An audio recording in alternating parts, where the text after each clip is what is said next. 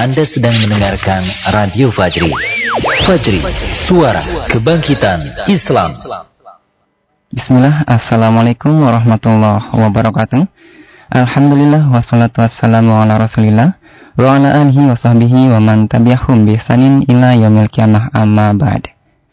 Dipancarluaskan dari Jalan Raya Cimanglit, Taman Sari, Kabupaten Bogor, 99.3 Fajri FM, Suara Kebangkitan Islam. Pendengar yang berbahagia di mana pun saat ini Anda berada, Alhamdulillah di kesempatan yang berbahagia kali ini kita bisa dipertemukan kembali melalui jalinan udara di acara Talkshow Interaktif edisi Dokter Menyapa ya, edisi hari Kamis tanggal 13 Jumadil Lahir 1439 Hijriah dan bertepatan pada tanggal 1 Maret 2018 hmm, awal bulan ya. Mudah-mudahan Anda tetap happy tentunya ya. Di acara Talkshow Interaktif edisi Dokter Menyapa. Dan seperti biasa di acara Talkshow Interaktif kami menghadirkan narasumber yang akan berbagi informasi kepada kita semua tentunya seputar dunia kesehatan. Dan sebelumnya bagaimana kabar Anda pendengar di kesempatan yang berbahagia kali ini? Harapan dan doa kami tentunya Anda beserta keluarga maupun orang-orang yang Anda cintai, ya, orang-orang yang Anda sayangi, senantiasa selalu berada dalam keadaan sehat walafiat, tak kurang satu apa pun, dan mudah-mudahan selalu berada dalam perlindungan Allah Subhanahu wa Ta'ala. Amin ya Rabbal 'Alamin. Ataupun bagi Anda juga yang saat ini ya mungkin sedang menghadapi berbagai macam permasalahan, apa pun itu permasalahannya, ataupun bagi Anda juga yang mungkin saat ini sedang sakit ya, kami doakan mudah-mudahan Allah segera mengangkat segala macam penyakit kita. Amin ya rabbal alamin. Baik, selamat menjalankan aktivitas di pagi harinya aja. Mudah-mudahan aktivitas yang kita jalankan di hari ini bernilai kebaikan oleh Allah Subhanahu wa taala. Amin ya rabbal alamin. Iya, baiklah pendengar yang berbahagia di mana pun saat ini Anda berada, sudah tidak sabar ya? Kita akan langsung saja perkenalkan narasumber kita di kesempatan kali ini. Seperti biasa ada Dr. Meizi Fahrizal Ahmad MSI ya. Kita akan sapa beliau terlebih dahulu. Assalamualaikum dokter. Waalaikumsalam warahmatullahi wabarakatuh. Bagaimana dokter kabarnya sehat? Alhamdulillah bisa. Alhamdulillah sehat ya. Gimana nih perjalanan dari rumah sakit ke Alhamdulillah, Alhamdulillah lancar, lancar, masya Allah. Tentunya sudah siap dokter untuk menyampaikan informasi pada pendengar insya Allah. Masya Allah. Iya baiklah pendengar yang berbahagia di mana pun saat ini anda berada. Itulah narasumber kita yang akan berbagi informasi kepada kita semua tentunya seputar dunia kesehatan. Dan seperti biasa bagi anda yang ingin bergabung bersama kami silakan anda bisa bertanya di 0 0251 8485 444 ya 0251 8485 444 ataupun Anda juga boleh bertanya melalui tiga layanan pesan singkat kami. Bisa melalui SMS ya WhatsApp ataupun juga Telegramnya di 0811 11 10 993 dan bagi Anda juga yang mungkin saat ini sedang online di Facebooknya silakan mampir aja ke Fanspage Radio Fajri untuk uh, bertanya langsung ya untuk bertanya di kolom komentar yang sudah diposting oleh Radio Fajri di facebook.com garis miring Radio Fajri. Dan tema yang akan kita bahas di kesempatan kali ini yaitu seputar makanan jajanan sehat untuk anak. Ini penting nih bagi para ayah ataupun bunda untuk mengetahui makanan ataupun jajanan yang sehat untuk anak. Baik, kita langsung saja ke narasumber kita di kesempatan kali ini. Baik, dokter. Uh, saya ataupun pendengar mungkin sudah pernah menonton suatu tayangan di televisi mengenai investigasi, ada seorang oknum ya pedagang yang berbuat curang ataupun tidak terpuji menggunakan bahan makanan untuk uh, pembuatan jajanannya. Misalnya dengan menggunakan bahan-bahan zat kimia dan target mereka itu kebanyakan kan anak-anak ya dokter. Yang mana anak-anak ini kan belum bisa menentukan makanan itu apakah sehat apa tidak untuk kesehatannya. Nah, menurut dari dunia kesehatan itu sendiri, makanan yang sehat itu seperti apa nih dokter? Ya, Bismillahirrahmanirrahim. Assalamualaikum warahmatullahi wabarakatuh. Waalaikumsalam. Pendengar Radio Fajri yang berbahagia. Pada pagi hari ini insya Allah kita akan bahas masalah makanan jajanan yang sehat buat anak-anak ya. Iya.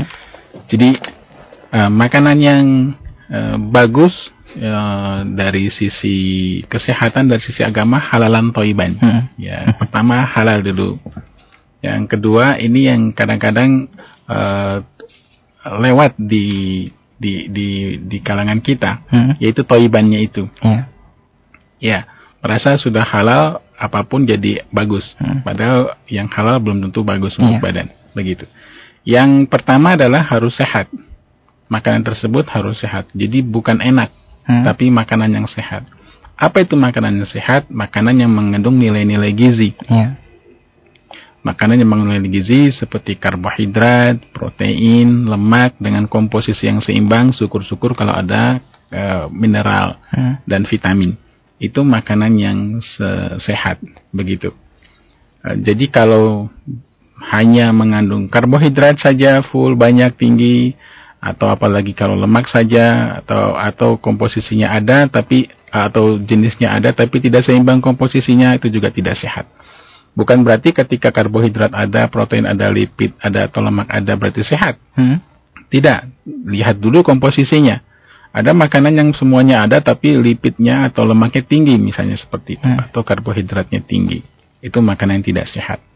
Yang kedua, makanan tersebut harus bersih. Jadi eh, makanan sehat kalau tidak bersih itu akan menjadi tidak baik untuk dikonsumsi. Eh, misalnya terkontaminasi dengan bakteri, Hmm. Nah, makanan yang terbuka, jajanan-jajanan anak-anak terbuka, Eh, bahkan orang dewasa juga bisa di pasar, bisa di Iya. sekolahan makan terbuka, atau makanannya tersebut sudah eh, expired, Hmm. ya, eh, artinya udah bekas kemarin, bekas semalam dan sebagainya, udah udah basi lah kalau bahasa ininya. Yang ketiga harus aman. Iya. Jadi sehat, bersih, sehat iya, bersih iya, tapi tidak aman dalam artian apakah mengandung zat pewarna Hmm. yang bukan makanan. Ya, ada zat pewarna yang bukan makanan, diambil text untuk pewarna Iya. baju, Hmm. pakaian, dipakai untuk pewarna makanan, jelas tidak boleh. Ya, memang masalahnya kalau pewarna makanan itu harganya lebih mahal. Hmm. Yang murah itu pewarna pakaian. Jadi supaya untung dicari yang murah, dipakailah mewarnai makanan dengan cara mau pewarna pakaian. Pakaian. Hmm. Kemudian pengawet. Ya ada zat-zat yang kalau dari sisi pengawetnya sangat tidak baik. Makanya saya tidak menyarankan kalau ibu-ibu rumah tangga terlalu banyak mengkonsumsi makanan-makanan yang eh, banyak pengawetnya, misalnya makanan kemasan, Hmm. kalengan dan Hmm. sebagainya. Kemudian penambah rasa. Itu penambah rasa ini pernah berapa kali itu YLKI Yayasan Lembaga Konsumen Indonesia itu mengeluh kepada pemerintah BP POM tentang kadar dari eh, penambah rasa Hmm. yang sangat berlebihan pada anak-anak Hmm. sehingga dikhawatirkan beresiko eh, kepada kesehatan anak-anak. Misalnya banyak mengandung monosodium glutamat, Hmm. vetsin. Ciki misalnya dokter ya. Ah, saya tidak menyebut produk. Produk. Mohon maaf. Eh, jadi eh, mengandung eh, vetsin atau penambah rasa yang Hmm. sangat eh, banyak. Itu jelas itu akan dikonsumsi anak-anak karena Hmm. anak-anak itu yang penting itu enak, tidak Hmm. berpikir itu aman, sehat dan sebagainya. Kemudian eh, zat eh, eh, pengawet, pewarna, penambah rasa ya, itu yang harus diperhatikan sehingga selain halalan itu harus toyiban. Toyiban itu sehat, komposisinya ada, eh, zatnya ada dan komposisinya bagus, eh, aman, ter- bersih dari pengawet, eh, pewarna, perasa, ada zat pewarna, kemudian eh, bersih, Hmm. sehat, aman, bersih, begitu. Iya baik. Tadi kan juga dokter menyampaikan yang pertama makanan itu sehat ya, yaitu dengan cara nilai gizinya seimbang. Betul. Nah, bagi kita nih seorang orang awam nih yang belum tahu komposisinya. Bagaimana nih kita mengetahui komposisi makanan itu apakah itu sehat apa enggak? Mungkin ada nilai kadar dari persentase dari kandungan zatnya. Indonesia itu sekarang ini ada banyak eh, apa namanya metode-metode diet ya. Eh, metode yang katanya non karbo sekarang lagi ngetren itu ya. Hmm. Eh, akhirnya berat badan naik, eh turun, kemudian eh, fis- fit, fit, fisiknya merasa lebih fit dan sebagainya. Tapi menurut ahli gizi tetap bahwa tubuh kita memerlukan karbo, karbohidrat maksudnya. Protein, lemak, vitamin, mineral, sama air. Itu tujuh yang harus ada dalam tubuh kita. Hmm. Dan karbohidrat itu tidak bisa didapat lewat udara. Ya, kalau vitamin D bisa lewat cahaya matahari eh, yang mem- walaupun dia mem- hanya mem- memetabolisme bukan sumbernya. Tetapi karbohidrat, protein, lemak tidak bisa diambil dari selain makanan. Hmm. Ya. Nah, makanya tetap komposisinya karbohidrat untuk orang Indonesia, untuk orang Indonesia ya, Hmm. itu 50% uh, protein sekitar 30%, uh, lemak sekitar 20%, hmm. jadi 100%. Nanti kalau seandainya ada metode diet yang berbeda nggak nggak apa-apa. Misalnya hmm. orang yang tinggal di negara dingin ya, hmm. ya mungkin dia akan lebih banyak proteinnya misalnya dan lemaknya dibandingkan hmm. karbohidratnya misalnya gitu. Sehingga untuk orang Indonesia sama orang negara Barat itu pasti beda komposisinya itu. Hmm. Tapi tetap 6 zat gizi, 7 zat gizi ini harus hmm. ada. Hmm. 6 zat gizi ini. Baik, terima kasih dokter. Lalu bagaimana nih cara kita membedakan jajanan itu sehat apa tidak? Apakah hanya dengan melihat bahwa terdapat terdapat komposisi di kemasan aja apa tidak, dokter? Ini yang sulit sekali karena hmm. memang sebetulnya banyak sekali kemasan-kemasan yang ada tulisan uh, tulisan halalnya, hmm. Hmm. bahkan tulisan nomor dari uh, BP POM, hmm. Badan Pengawas Obat Makanan gitu kan. Nomornya tapi saya ragu harganya 25 rupiah, hmm. 100 rupiah. Itu kan untuk mendaftarkan juga cukup mahal. Hmm. Saya ragu itu misalnya seperti itu. Sehingga kalau misalnya jajanan sekolahan saya lebih prefer sekolahan itulah yang bertanggung jawab untuk memonitor jajanan-jajanan di sekitar uh, sekolahan. Ini sudah ada gerakan dari beberapa yayasan ya di sekolahan yang di mana mereka sangat aware anak-anak mereka di, di, di disekolahkan di situ, tapi nanti jajannya tidak baik, hmm. begitu sehingga dia meminta kepada pihak sesekolahan untuk memonitor jajanan-jajanan yang di, di, di, diizinkan dijual di sekitar sekolahan. Yeah. Jadi itu di bawah pengawasan sekolahan. Hmm. Dan nanti di situ ada ahli gizinya. Ya tidak harus setiap hari, sebagai sekali dua kali untuk jadi konsultan kemudian dilakukanlah seperti itu. Misalnya jajanannya uh, kita nggak bisa dengan kasat mata ya. Hmm. Misalnya jajanannya itu kelihatan terbungkus atau tidak terbungkus. Hmm. Ya. Kemudian bau atau tidak bau. Hmm. Begitu. Kemudian zat pewarnanya kelihatan itu. Kita lihat di sekolahan itu di sekitar sekolahan. Ada minuman untuk anak-anak itu, ada merah, kuning, hijau, putih, malah ada yang biru. Hmm. Saya pernah nanya berapa harganya 100 rupiah. Wah ini mungkin dari pewarna pakaian ini hmm. begitu. Hmm. Karena harganya murah sekali.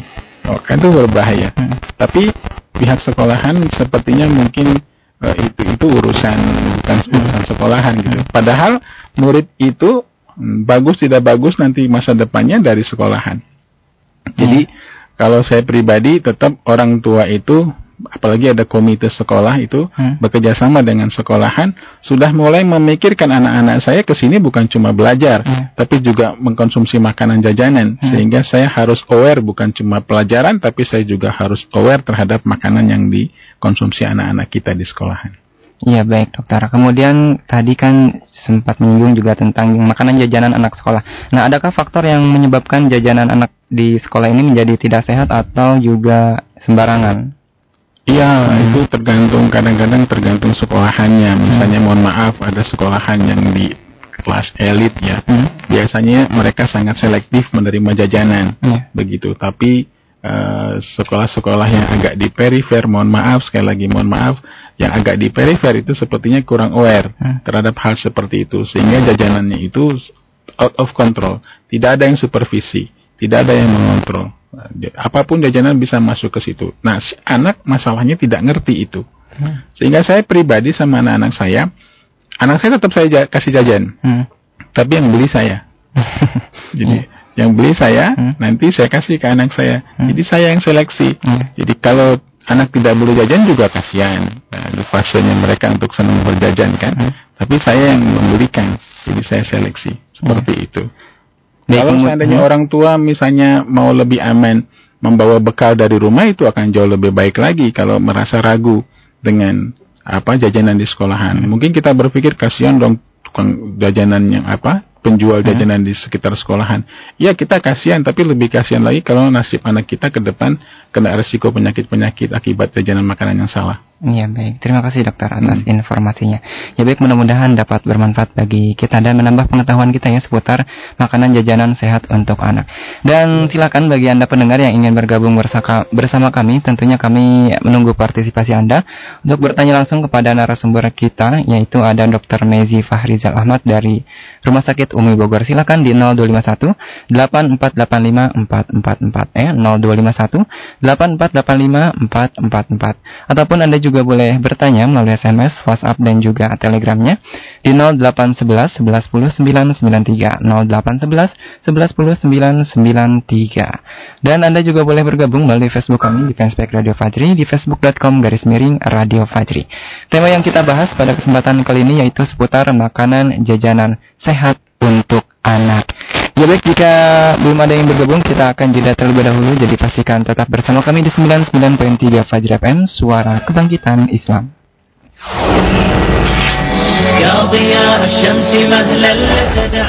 Kabar gembira. Ma'had Huda Islami kembali membuka pendaftaran beasiswa S1 Program Pendidikan Dai Nusantara PPDN untuk manajemen pendidikan Islam MPI. Syarat pendaftaran, laki-laki muslim lulus SMA atau sederajat. Nilai rata-rata semester akhir 7. Lancar membaca Al-Quran, usia maksimal 20 tahun. Belum menikah, tidak merokok, sehat jasmani dan rohani, bersedia tinggal di asrama, dan lulus tes. Ketentuan beasiswa Beasiswa penuh S1 4 tahun, 3 tahun pertama diasramakan dengan tambahan pelajaran ilmu-ilmu Islam. Adapun tahun keempat dimagangkan dalam aktivitas dakwah dengan insentif bulanan. Fasilitas pendidikan, beasiswa penuh S1 MPI, kuliah sambil belajar dakwah, gratis makan tiga kali sehari selama pendidikan asrama yang representatif tunjangan selama magang dakwah. Tidak dipungut biaya apa pun dosen dalam dan luar negeri. Daftar segera. Ketik PPDN tanda pagar nama, tanda pagar kota, tanda pagar usia. Kirim ke 0822 9947 7477 SMS atau WA atau datang langsung ke kampus Ma'had Huda Islami Komplek Yayasan Islam Al-Huda Bogor, Indonesia. Jalan Raya Kapten Yusuf Purnama Sukamantri Taman Sari Bogor. Kunjungi website kami di www.beasiswapendidikan.islam.net Ma'had Huda Islami bersama mengusung pendidikan Islam.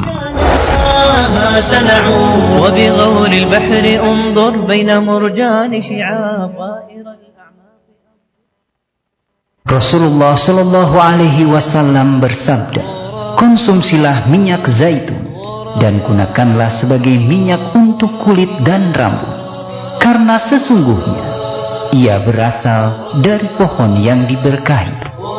Hadis riwayat Tirmizi dan Ahmad. Kini telah hadir Mizar minyak zaitun rukia. Terbuat dari minyak zaitun pilihan kualitas terbaik extra virgin oil. Serta telah dirukia oleh praktisi rukia syariah dai-dai sunnah. Dengan izin Allah Mizan bisa membantu mengobati penyakit medis dan non medis Alhamdulillah banyak orang yang telah mengkonsumsi mizar dan telah merasakan khasiatnya. Ayo, dapatkan mizar di toko-toko herbal terdekat di kota Anda. Atau Anda juga bisa menghubungi kami di telepon atau WA 0812 1970 522 0812 1970 522 PIN BB 56D36966 Ayo, tunggu apa lagi? Segera dapatkan Mizar dan sekarang giliran Anda merasakan khasiatnya. Mizar, solusi sehat Islam. Saat ini Anda sedang mendengarkan frekuensi 99.3 Fajri FM dan radio streaming di alamat situs www.fajrifm.com. Fajri, suara kebangkitan Islam. أيها السالك درب الصالحين يا أخا الإسلام يا ابن الخالدين أيها السالك درب الصالحين يا أخا الإسلام يا ابن الخالدين قم بنا فالكون مشلول اليقين قم بنا فالأرض أوحال وطير قم بنا فالكون مشلول اليقين قم بنا فالأرض أوحال وطير واحمل الزاد وأنوار اليقين. نارس الدرب بزيتون وتين واحمل الزاد وأنوار الرقيق. مارس الذرباب زيتون وتيق قم بنا الدور حيران ضرار طارب في التيه يضمي بنا فالكون حيران ضارب في التيه يضليه الظلام جاهل والله أسباب السلام. قم أخي وادفع عن الكون الحمام. جاهل والله أسباب السلام. قم أخي وادفع عن الكون Ya baik masih di 99.3 Fajr FM Suara Kebangkitan Islam. Masih dalam acara Talkshow Interaktif Dokter Menyapa. Di edisi hari Kamis tanggal 13 Jumadil Akhir 1439 Hijriah. Dan bertepatan pada tanggal 1 Maret 2018 Bersama Dr. Mezi Fahrizal Ahmad MSI Dari Dokter Rumah Sakit Umi Bogor. Dan sebelumnya kami ucapkan terima kasih banyak Ataupun juga syukran jazakumullah kasiran kepada Anda yang telah setia mendengarkan acara kami, terutama di acara Talkshow Interaktif pada kesempatan kali ini. Dan kami juga ucapkan ahlan wasahlan ya kepada Anda yang mungkin baru bergabung bersama kami, baru menyalakan gelombang radionya di 99.3, ataupun baru mendengarkan melalui streaming kami di www.fajrfm.com. Kami ucapkan selamat menyimak dan mendengarkan. Dan tentunya tak lupa kami mengingatkan bagi Anda yang ingin bergabung bersama kami, kami masih menunggu partisipasi Anda untuk bertanya langsung kepada narasumber kita, yaitu dengan tema Makanan Jajanan Sehat untuk anaknya silakan di 0251 8485 444 0251 8485 444 ataupun Anda juga boleh bergabung ya melalui SMS, WhatsApp ataupun juga Telegramnya di 0811 1110 993 ataupun juga Anda boleh bergabung melalui Facebook kami di facebook.com garis miring Radio Fajri. Silakan ya bagi Anda yang memiliki pertanyaan, silakan ditanyakan langsung karena khawatir pertanyaan banyak nanti akhirnya tidak terbacakan ya. Sayang sekali. Baik, uh, kita akan langsung saja ke narasumber kita untuk lanjutkan kembali perbincangan kita di kesempatan kali ini. Baik dokter, bagaimana nih cara kita selaku orang tua untuk memberikan penjelasan terkait jajanan yang sehat kepada anak? Iya, uh, yang pertama menjelaskan ciri-cirinya tadi, hmm? misalnya makan tertutup atau terbuka, ada serangga nggak di sekitar situ, kemudian cium baunya, kalau baunya sudah menyengat, busuk dan sebagainya jangan dibeli. Itu kalau masih ke, uh, masih bisa disampaikan akan lebih baik lagi kalau uh, ibunya uh, bisa mengantarkan anaknya ke sekolah hmm. dan menyaksikan jajanan apa aja yang ada di sekitar sekolah tersebut yang akan dikonsumsi anak-anak kita. Jadi jangan kasih pembantu yang mengantarkan anak kita. Hmm. Boleh, tapi sekali dua kali atau beberapa kali ibunya langsung yang memantau. Biasanya ibu tuh bawa anak ke sekolah sampai depan pintu sekolah dilepas. Hmm. Nanti dianggap anak sudah sekolah. Nanti pesan anak jajan dia tidak bisa memantaunya, tidak memantaunya. Karena dianggap dianggap mau sekolah itu mau belajar, bukan hmm. mau makan. Hmm. Nah, bisa orang tua melihat oh jajan ini yang baik, jajan itu yang tidak baik nanti disampaikan di rumahnya atau langsung jajan sama ibunya. Hmm. Gitu kan, ini jajanan yang boleh kalau nanti mau jajan, ini hmm. jajanan yang tidak boleh kalau mau jajan dan tahu harganya jadi bisa tahu kira-kira berapa yang kita berikan kepada anak kita. Hmm. Jangan terlalu sedikit, jangan juga terlalu berlebihan. Itu akan jauh lebih baik dari orang tua. Ya baik dokter, terima kasih. Baik silakan pendengar bagi Anda yang ingin bertanya melalui layanan on airnya silakan kami tunggu di 0251 8485 444 ya. 0251 8485 444 Mohon maaf ya, di layanan 0251848544 sedang ada gangguan. Jadi bagi Anda yang bertanya melalui on air-nya di 0251 8486 101 ya sekali lagi di 0251 8486 101. Silakan kami tunggu partisipasi Anda. Baik, kita akan langsung saja bacakan pesan yang masuk di kesempatan kali ini. Yang pertama ada dari Ibu Ani. Ini tidak disebutkan domisilinya. Assalamualaikum, selamat pagi dokter. Waalaikumsalam warahmatullahi wabarakatuh. Saya mau bertanya dokter, kalau minum air dengan menggunakan mesin produk penyaring, terus dicoba ditetes sama apa ya katanya? Terus dicoba Betadine. ditetes sama apa katanya? Kemudian juga warnanya hijau, tapi kenapa? Saya mencoba ditetesi lagi dengan yang sama akan tetapi warnanya berubah jadi merah jambu.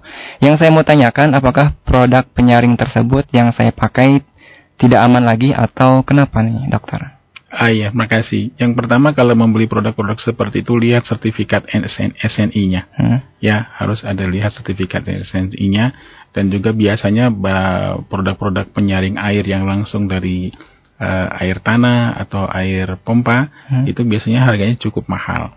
Jadi kalau beli harganya murah, eh, kita sangat meragukan. Walaupun bukan berarti mahal itu pasti bagus, Hmm. tapi kalau murah sudah sangat meragukan Iya. karena harga penyaringnya itu cukup mahal. Nah, kalau seandainya ada sertifikasinya SNI, itu akan jauh lebih aman bagi kita eh, mengkonsumsinya. Nah, eh, kalau seandainya ada eh, testimoni-testimoni Hmm. produk-produk seperti itu, jangan dulu disepakati bahwa itu sudah eh, bagus, Bagus, hmm. ya, karena penjual punya trik-trik. Ada yang betadin Hmm. ya, dikasih tetes air ber- air di betadin itu jadi bening misalnya Hmm, gitu. hmm. Berarti ini antioksidan. Tidak, antioksidan bukan begitu cara kerjanya, bukan di betadin. Iya. Ditaruh di gelas, tar kasih betadin, kemudian dikasih tetesan air sama dari kita, Hmm. maka gelas yang coklat warna betadin menjadi bening misalnya. gitu. Hmm. Itu bukan antioksidan, bukan untuk menunjukkan antioksidan. Kira-kira seperti jadi kuncinya itu bukan dari testimoni dari si, si penjual, tapi lebih daripada sertifikasinya mana. Hmm. Saya melihat Hmm. seperti itu. Baik dokter, terima kasih atas tanggapannya. Mudah-mudahan terjawabkan ya pertanyaan dari Ibu Ani.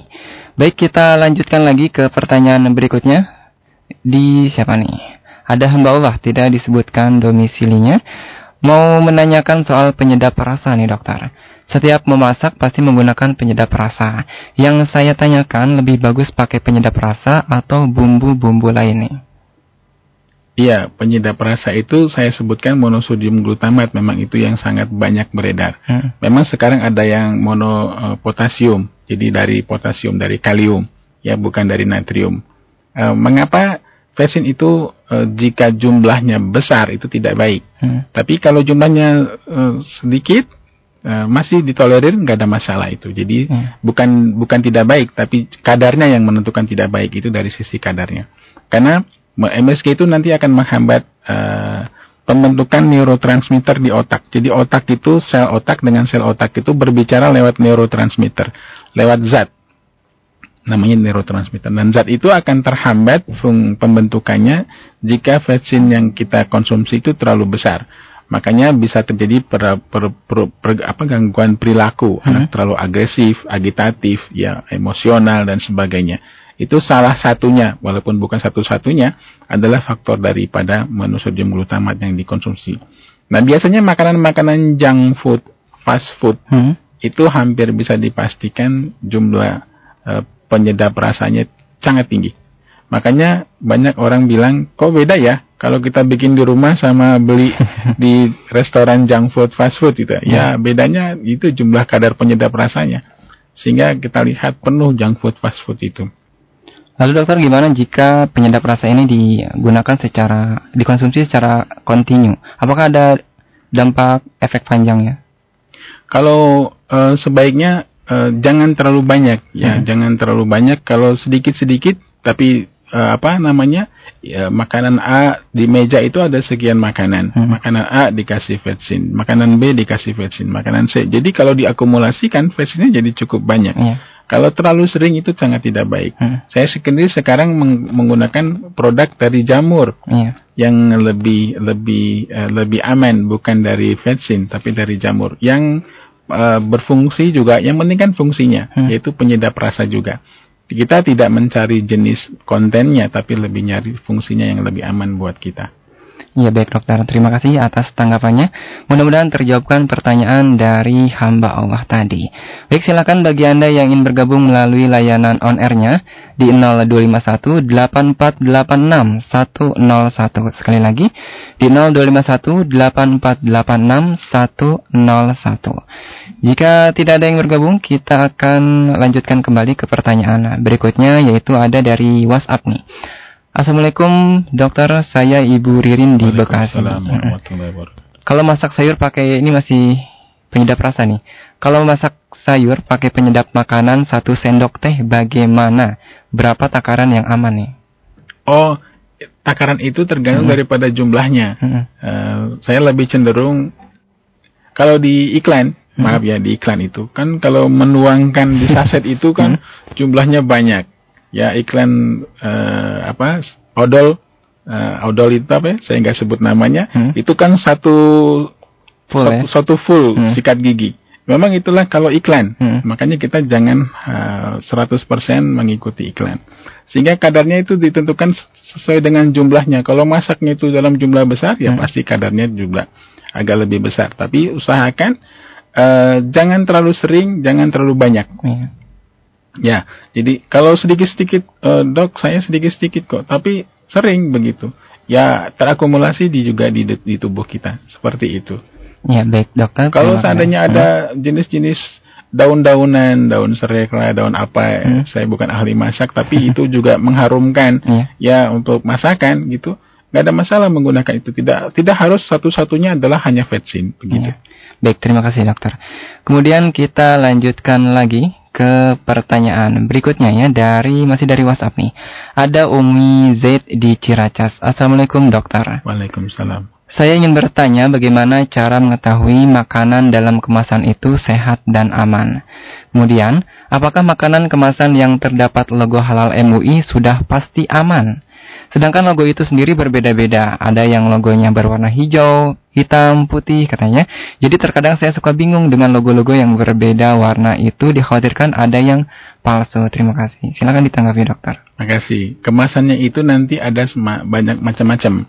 Ada kemasan kaleng, hmm. ada kemasan bungkusan plastik. Ya, kalau kemasan kaleng, usahakan cari yang kalengnya tidak bel bengkok hmm? apa tidak penyok, penyok kalau bahasa ininya maaf bahasa betawinya penyok atau bengkok jadi misalnya kemasan susu kental manis hmm? ya saya nggak sebut produknya kalau seandainya udah mulai penyok uh, hindari yang seperti itu karena pengawetnya itu ada di sekitar kaleng hmm. kalau kalengnya itu penyok hmm? maka akan robek itu uh, pengawetnya hmm. dikhawatirkan kaleng yang dari uh, logam ini mengalami karat yeah. sehingga karatnya itu bisa masuk ke produk susu kental manisnya hmm. atau produk-produk makanan ya produk ikan misalnya yang dalam kaleng misalnya gitu kalau penyok itu sebaiknya dihindari yang kedua lihat expire date-nya hmm. ya apakah sudah memenuhi uh, masih dalam uh, banyak orang yang tidak aware dari, dari sisi expire date karena hmm. tulisannya kecil agak tipis begitu ya dan titik-titik-titik tulisannya itu bukan bukan just Kemudian logo halal. Coba nanti dilihat logo, eh, di website logo halal dari eh, LP dari LPU eh, LPPOM MUI. Karena halal halal itu bukan berarti itu sertifikasi MUI hmm. belum. Hmm. Jadi sertifikasi MUI itu punya logonya MUI, bukan halal.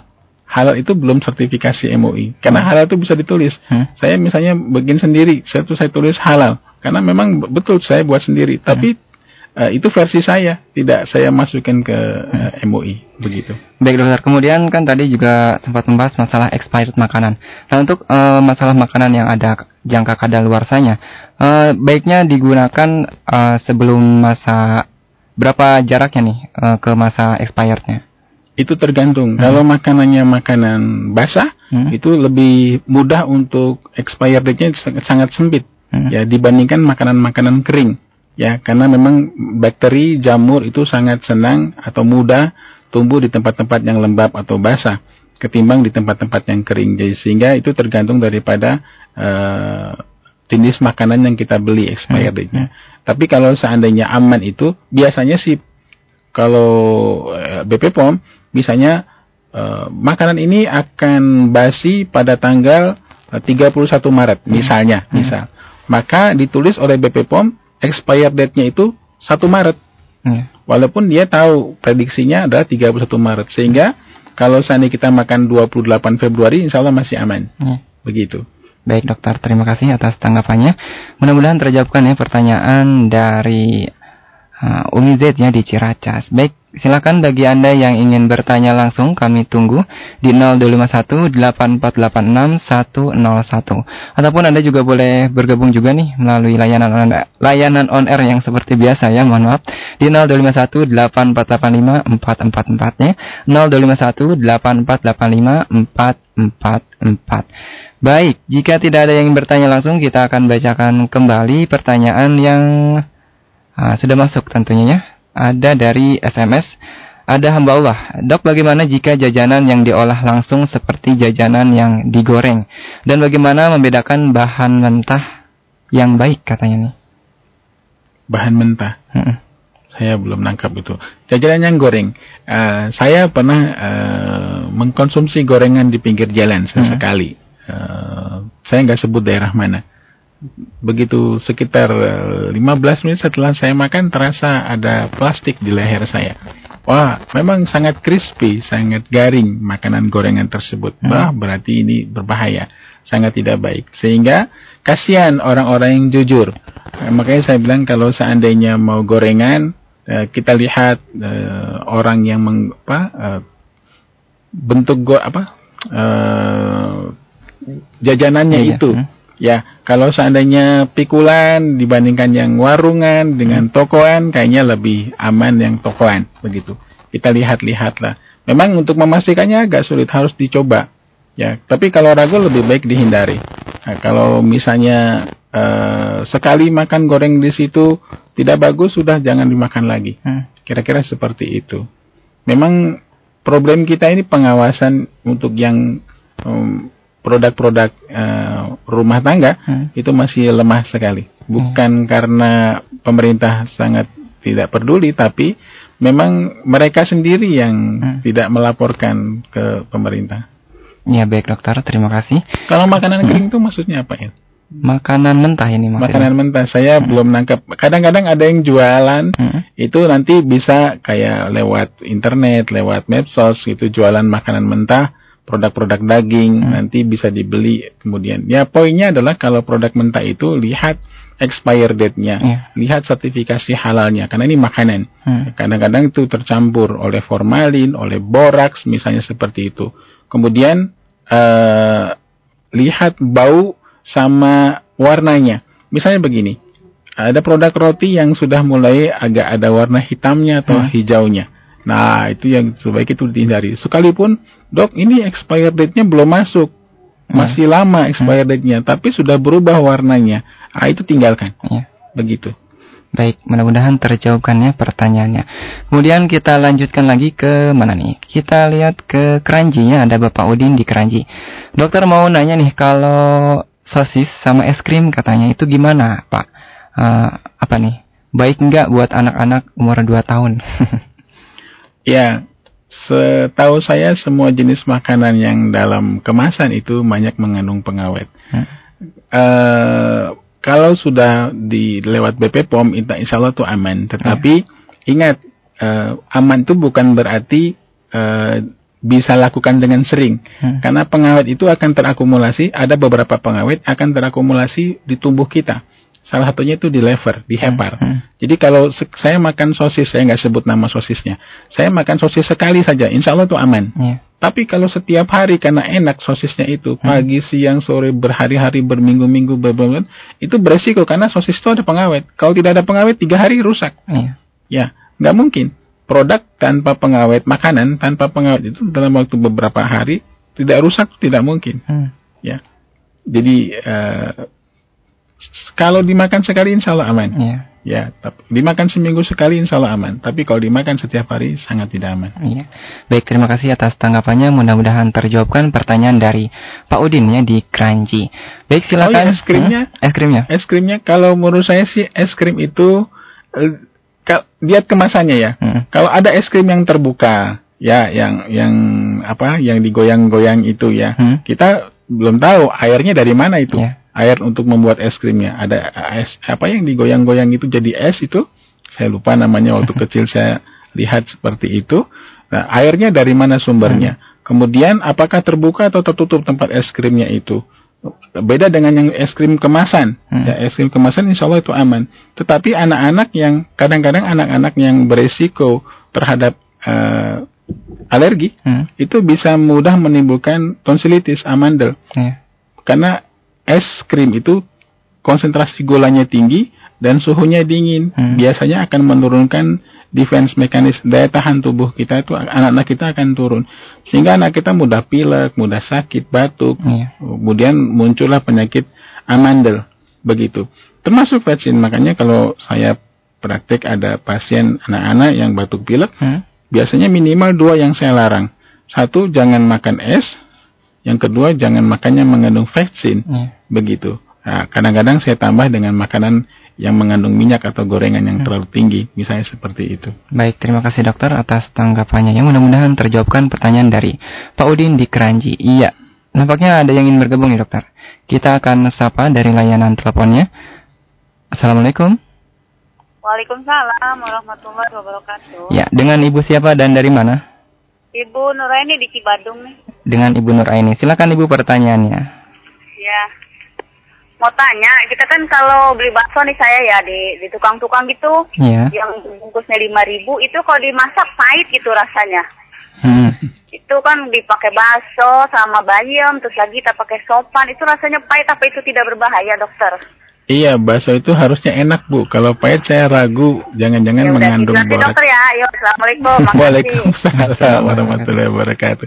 Jadi kalau bakso rasanya tidak bakso, hmm. kan bakso itu kan aslinya daging. Hmm. Tapi kalau misalnya eh, daging sama tepung, hmm. ini tinggal kadarnya saja. Ada yang banyak kadar tepungnya daripada dagingnya. Hmm. Ada yang banyak dagingnya daripada tepungnya. Nah, banyak dagingnya pasti mahal daripada hmm tepungnya. Nah, daging ini beda dengan tepung. Daging ini akan mudah sekali untuk terkontaminasi lewat bakteri. Yeah. Pembusukan. Sehingga supaya menghindari pembusukan dikasihlah obat-obat pengawet, hmm. bisa formalin, bisa boraks begitu. Nah, ini yang sangat berbahaya formalin itu untuk kadaver, untuk mayat, untuk pengawetan hmm. hmm. jenazah begitu itu formalin. Nah, itu konsumsi terus-menerus. Itu yang saya katakan uh, harga kadang-kadang berbicara. Begitu, mohon maaf ini, mohon maaf. Harga kadang-kadang berbicara. Kalau harganya murah, uh, bukan berarti tidak bagus, hmm. tapi quote, yeah. quote itu bisa jadi tidak bagus. Apalagi kalau rasanya pahit, saya mengkhawatirkan itu sudah mengandung borak. Ya baik, terima kasih dokter tanggapannya. Mudah-mudahan terjawabkan ya pertanyaan dari Ibu Nur Aini di Cibadung.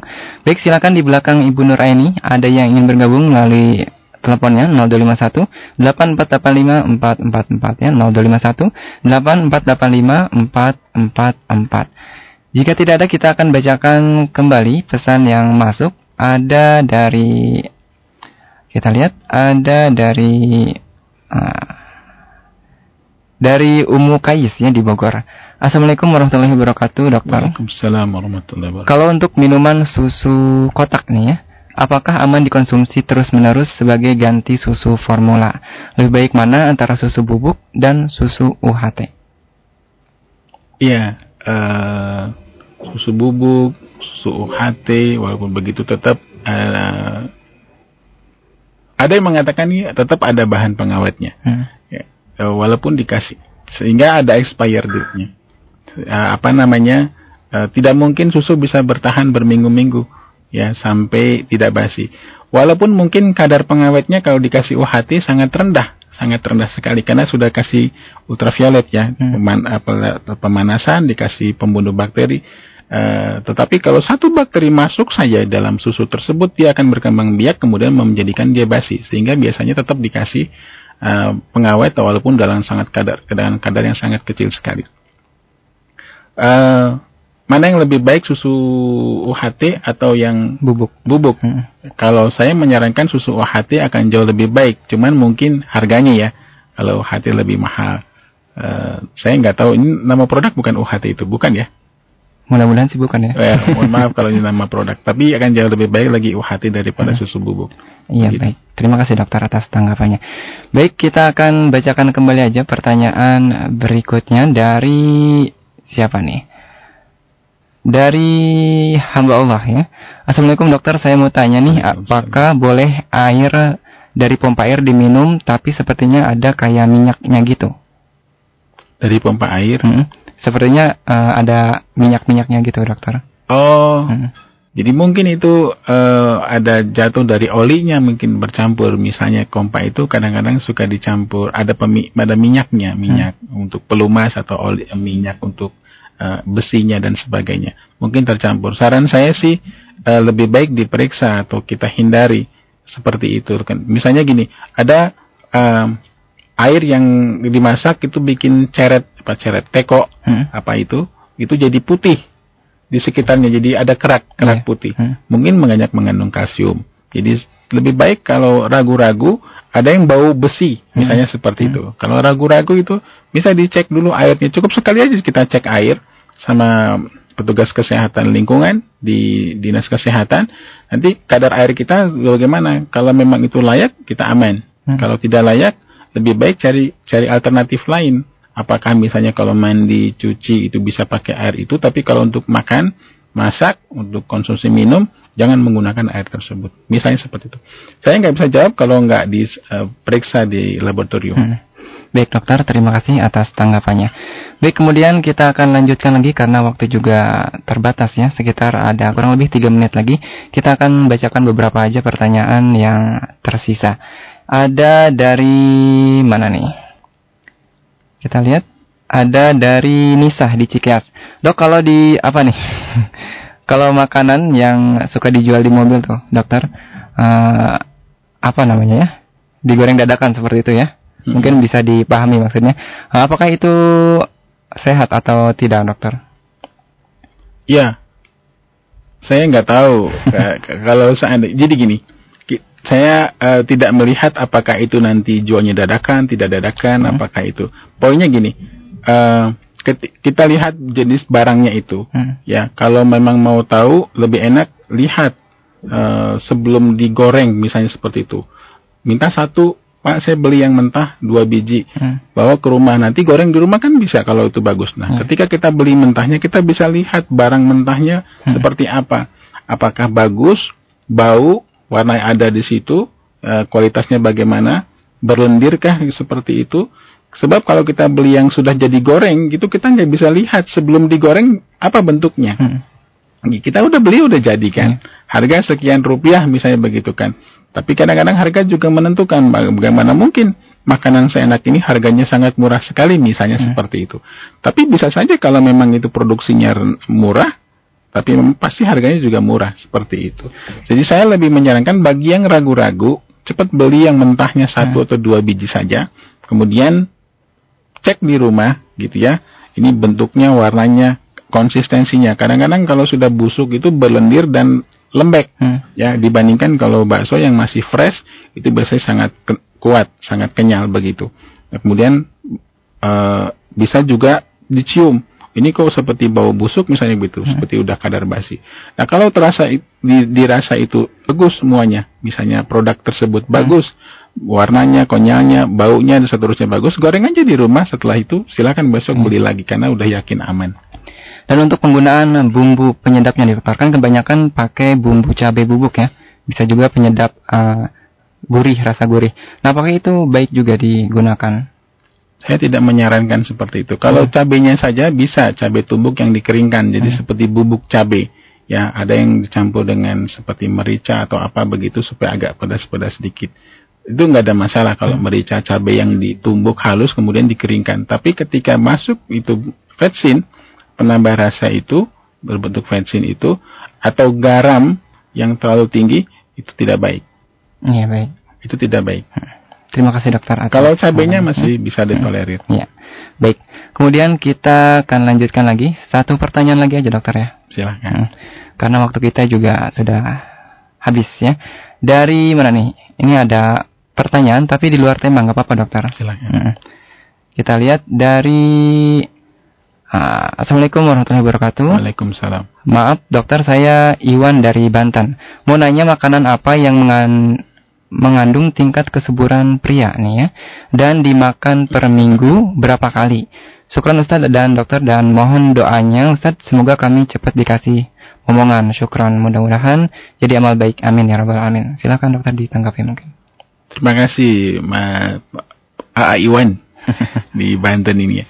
Jadi faktor untuk bisa punya anak itu sangat banyak. Bisa dari faktor suami, bisa dari faktor istri. Hmm. Dari faktor istri biasa jauh lebih banyak dibandingkan faktor suami. Makanya sering orang menyalahkan istri. Padahal tidak. Hmm. Bisa juga karena salahnya di suami. Nah, penyebab suami subur itu bisa nanti faktor macam. Ada faktor genetik, ada faktor makanan, ada faktor emosional, ada faktor perilaku. Faktor perilaku misalnya begini. Misalnya mengkonsumsi alkohol, merokoknya banyak, ya gimana mau subur? Walaupun dia makanan-makanan yang mengandung uh, tingkat kesuburan yang tinggi, hmm? percuma vitamin K, biasanya vitamin E yang banyak pada uh, kacang hijau atau apa namanya kecambah begitu, yaitu vitamin E tinggi. Itu juga menambah kesuburan. Tetapi sekali lagi untuk kesuburan itu tidak satu faktor. Saya kalau makan, tapi rokoknya kuat, hmm. alkoholnya kuat. Mohon maaf ya, Iwan, saya nggak bilang Iwan pengguna alkohol. Tapi kalau ada orang yang alkoholnya kuat, merokoknya kuat, susah untuk dikatakan dia bisa memproduksi kesuburan. Hmm. Begitu juga ada teknik lain. Misalnya gini, saya nggak punya anak, akhirnya dia maaf berhubungan sama istrinya eh, sering supaya bisa ketemu. Hmm. Yaitu malah menurunkan kadar spermanya yang diberikan kepada istrinya hmm. karena terlalu seringnya. Kira-kira ada teknik-tekniknya seperti itu. Tapi nggak bisa disampaikan di di radio. ya baik, terima kasih dokter atas ya. tanggapannya. Mudah-mudahan terjawabkan ya pertanyaan dari Kang Iwan di Banten. Mudah-mudahan segera dikasih momongan. Amin, ya amin. amin. Ya baik dokter, karena waktu kita habis ya. Mungkin ada informasi terakhir yang disampaikan kepada pendengar nih. Baik, makasih uh, orang tua yang mendengarkan uh, radio yang sangat luar biasa ini, Radio Fajri. Uh, ada dua poin yang ingin saya tekankan pada acara pada siang hari ini. Yang pertama adalah uh, jaga kesehatan anak kita dari semenjak kecil. Orang tua mengajak atau mengirimkan anaknya ke sekolah bukan cuma belajar, tapi juga ada makanan-makanan yang akan dikonsumsi oleh anak-anak kita. Jangan dikenalkan anak kita dengan konsumsi-konsumsi yang tidak baik. Mungkin anak kita gemuk, sehat, tapi gemuknya itu bukan gemuk bagus, begitu. Mungkin anak kita tidak merasa sekarang, tapi umur SMP, umur SMA, baru 20-30 tahun sudah mulai sakit-sakitan. Ingat ada sekarang kasus diabetes melitus, kencing manis sudah mulai muncul pada anak-anak.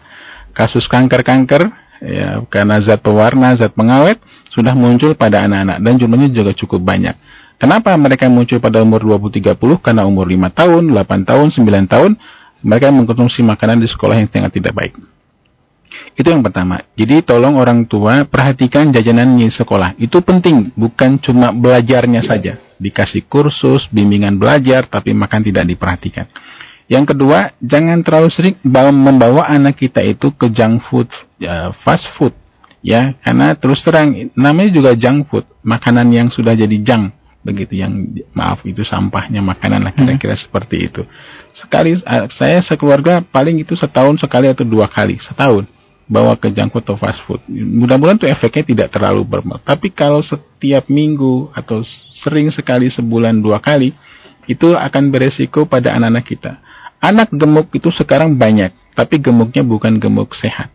Ya, kira-kira seperti itu. Dan mudah-mudahan uh, penyuluhan kesehatan, penjelasan kesehatan pada pagi siang hari ini oleh Fajri SFM, Fajri, Radio Fajri bisa memberikan wawasan bagi orang tua dan memberikan kesehatan bagi semuanya. Terima kasih. Walaupun Terima kasih dokter atas informasi dan waktunya yang telah diberikan kepada kami tentunya ya.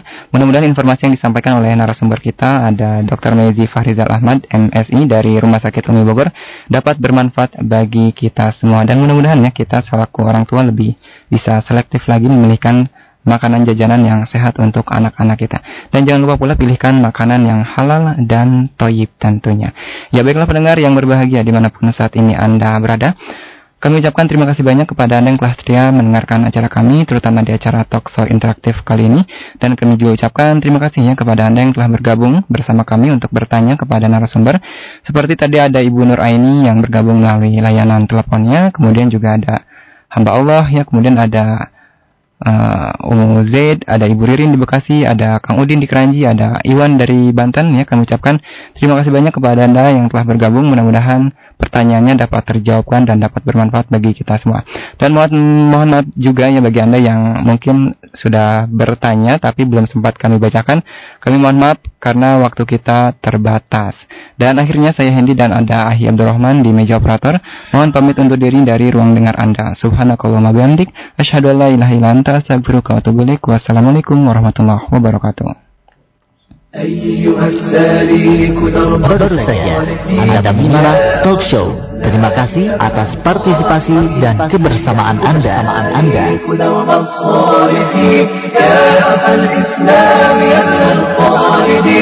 قم بنا فالكون مشلول اليقين قم بنا فالأرض أوحال وطير قم بنا فالكون مشلول اليقين قم بنا فالأرض أوحال وطير واحمل الزاد وأنوار اليقين نارس الدرب بزيتون Saat ini Anda sedang mendengarkan frekuensi 99.3 Fajri FM dan radio streaming di alamat situs www.fajrifm.com. Fajri, suara kebangkitan